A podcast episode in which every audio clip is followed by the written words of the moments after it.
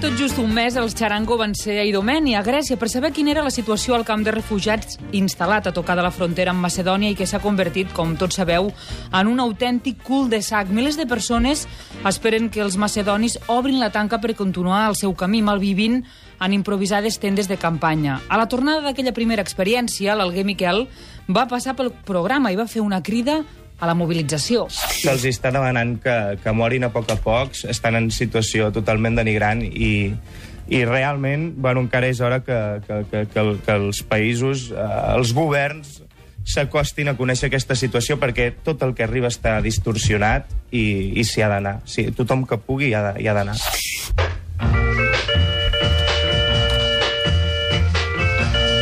Nosaltres ens hem pres molt seriosament aquesta interpel·lació mm, que ens feia l'Alguer ara fa unes setmanes en aquest programa i la tribu i els Charango, i això és el que anunciem ara mateix, serem dilluns que ve a Idomeni per explicar-vos en un programa en directe, en una edició especial de la tribu, com viuen, què senten, quines esperances tenen els milers de refugiats que resisteixen dignament, i aquesta és una paraula molt important, la dignitat, la situació que els ha tocat viure. Alguer, bona tarda. Hola, bona tarda, què tal? Marxarem cap allà. Sí, Divendres ja... fem les maletes i marxem. Uh, sí, sí, jo he començat a plantejar-me la maleta. Res, molt content, molt content de que puguem fer això.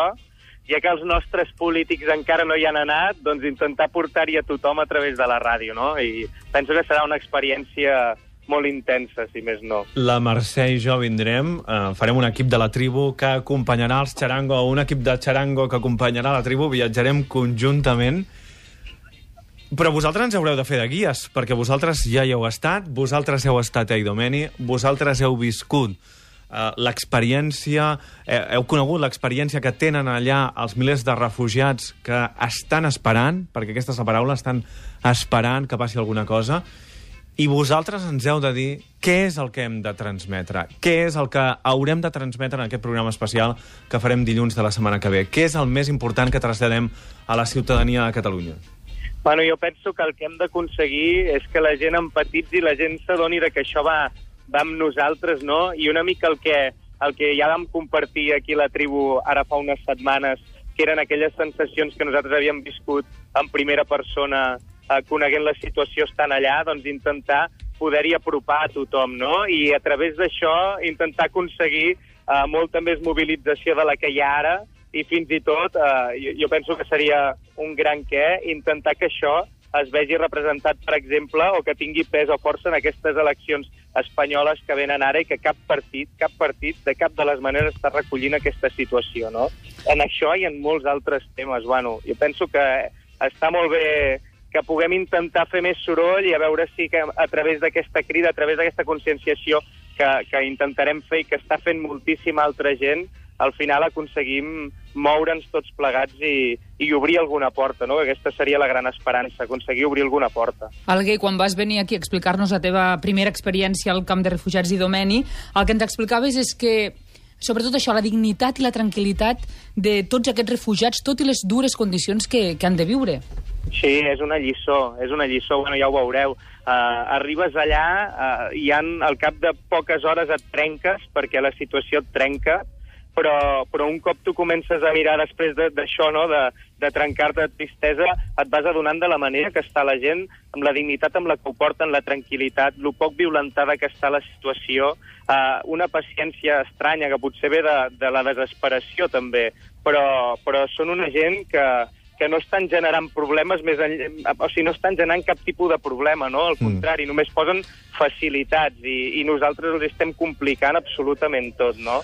Uh, bueno, és una lliçó de vida, és una lliçó de vida mm. i, i és molt impactant veure la gent, veure els nens, veure la gent gran, conèixer tothom, no? I què hi ha darrere de cada història, que penso que això potser és el que, el que és més, més important de compartir, no? Perquè aquest, aquest és... Mm ens puguem posar en situació, entendre la gent, d'on venen, com és la seva situació, quines vides tenien, a mm. quina vida pretenen també, no? I, Aquest és l'anunci que us volíem fer, que dilluns de la setmana que ve aquest programa La Tribu de Catalunya Ràdio es farà en directe des d'Idomeni i després del butlletí us explicarem la participació que hi tindrà també Stop Mare Mortum. Ara tornem.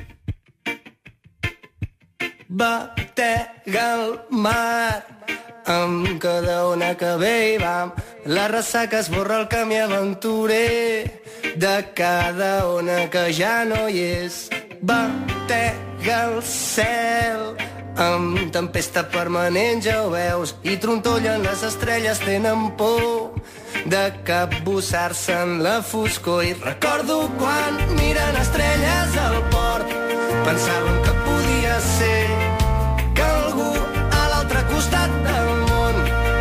les estigués mirant també. 6 i 7 minuts de la tarda us ho acabem d'anunciar abans del butlletí. La setmana que ve, dilluns, la tribu de Catalunya Ràdio es farà en edició especial conjuntament amb el grup Charango des d'Idomeni, a la frontera de Grècia amb Macedònia, allà on hi ha alguns dels camps de refugiats més nombrosos d'Europa, dels refugiats que surten que surten de Síria en la seva major part i que intenten fer la ruta travessant Europa i que s'han trobat en aquest punt, a la frontera de Grècia amb Macedònia, una tanca que no poden saltar, una tanca que s'obria durant unes hores al dia, durant un període de temps determinat, però que un dia va decidir tancar-se del tot i instal·lar-se davant d'ella l'immobilisme que és el que han hagut de suportar durant aquestes setmanes, setmanes de vent, de pluja, de condicions molt difícils, milers de refugiats a la intempèrie.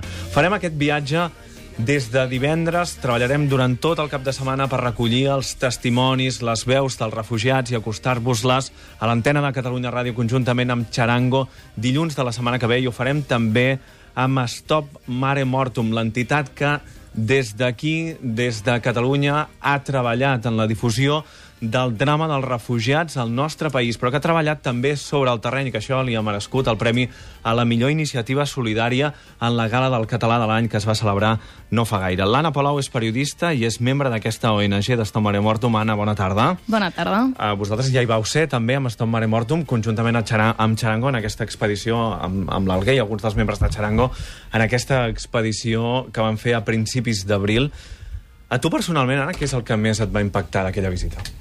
El que més em va impactar és um, que Lesbos, quan vam anar nosaltres, era un lloc d'esperança, no? I, I Domènec, en el seu moment també, no? perquè era un lloc de pas cap a més proper al seu destí, s'havia convertit en un lloc de no futur no? per a aquesta gent, però que malgrat això, ells eh, i elles eh, resisteixen, protesten, surten al carrer, es vesteixen, van a l'escola amb el, les que es construeixen allà i eh, resisteixen amb el seu dia a dia. I això, eh, és, i ho deia abans el és una lliçó de vida per tots nosaltres. Lesbos era el punt d'entrada per molts d'aquests refugiats a la Unió Europea quan venien de Turquia i feien aquesta travessa de 20 quilòmetres a través del mar i tocaven terra d'aquesta illa grega tan pròxima a Turquia, però que formava part ja de la Unió Europea i d'alguna forma això significava pels que ho aconseguien que no eren tots un començar, un començar aquest camí ja dins de la Unió Europea cap al seu objectiu, que en molts casos era arribar cap al cor d'Europa, cap a Alemanya, cap a Àustria, etc.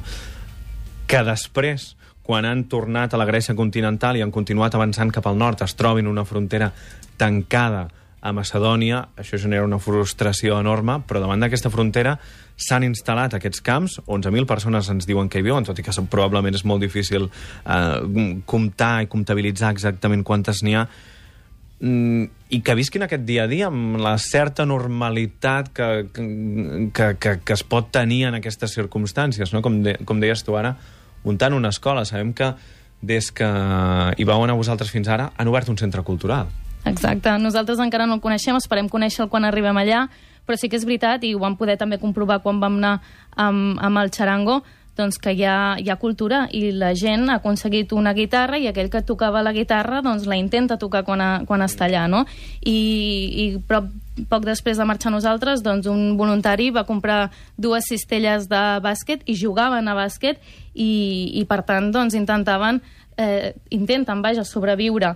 Eh, és veritat que la gent està molt desesperada i molt cremada, per dir-ho uh, directament, perquè ja no saben, perquè molts, i quan tens contacte directe amb alguns d'ells, mm, fins i tot desitjarien morir o tornar a Síria, molts d'ells que són sirians, i morir a casa seva, que està més temps en un camp com, com aquest, que no és un camp oficial, és un, esta, un, un assentament, un no? assentament, exacte. Mm.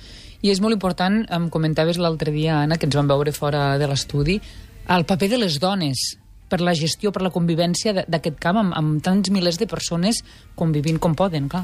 Clar, normalment estem acostumats a una eh, migració que normalment qui emigra principalment són els homes i després es fa la reunificació familiar.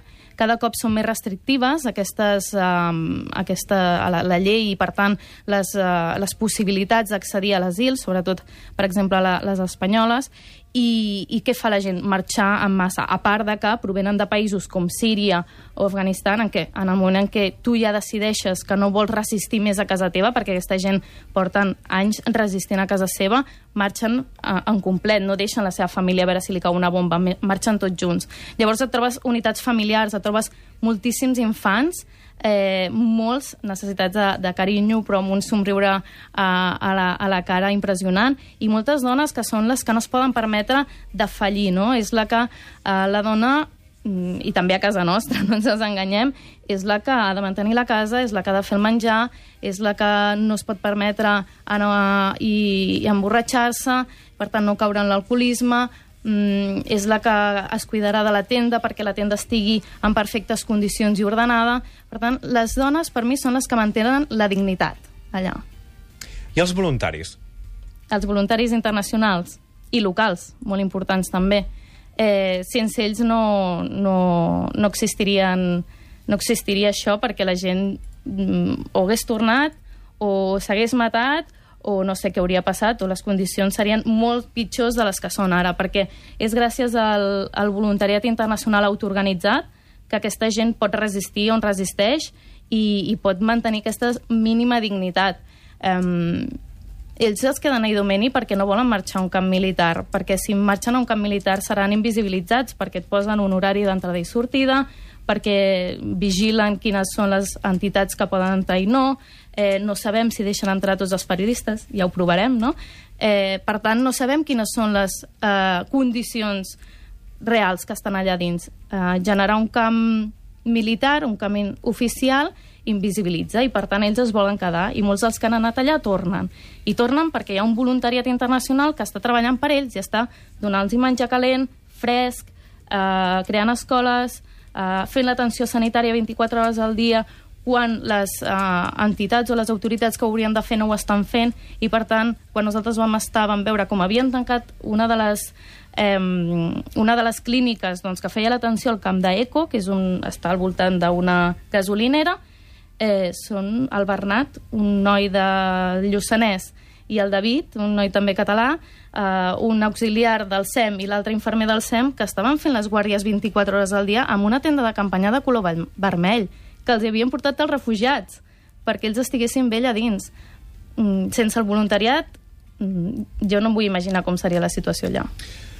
Intentarem uh, retratar això, la situació de les persones que hi viuen, la situació de les persones que hi han anat a, a cooperar, a treballar i ajudar els voluntaris vinguts de molts països del món, molts d'ells de Catalunya, i aquesta tarda volíem explicar-vos-ho en l'espai habitual dels dilluns de l'Alguer Miquel, que amb ell, amb tots els Charango i amb Stomare Mortum, comencem divendres aquesta expedició que ens portarà al cap de setmana a la frontera de Grècia amb Macedònia i el dilluns a una edició especial que, si tot va bé, farem des d'allà mateix, des dels camps de refugiats, des de les 4 de la tarda fins a les 7 del vespre, entre altres amb la companyia de l'Anna.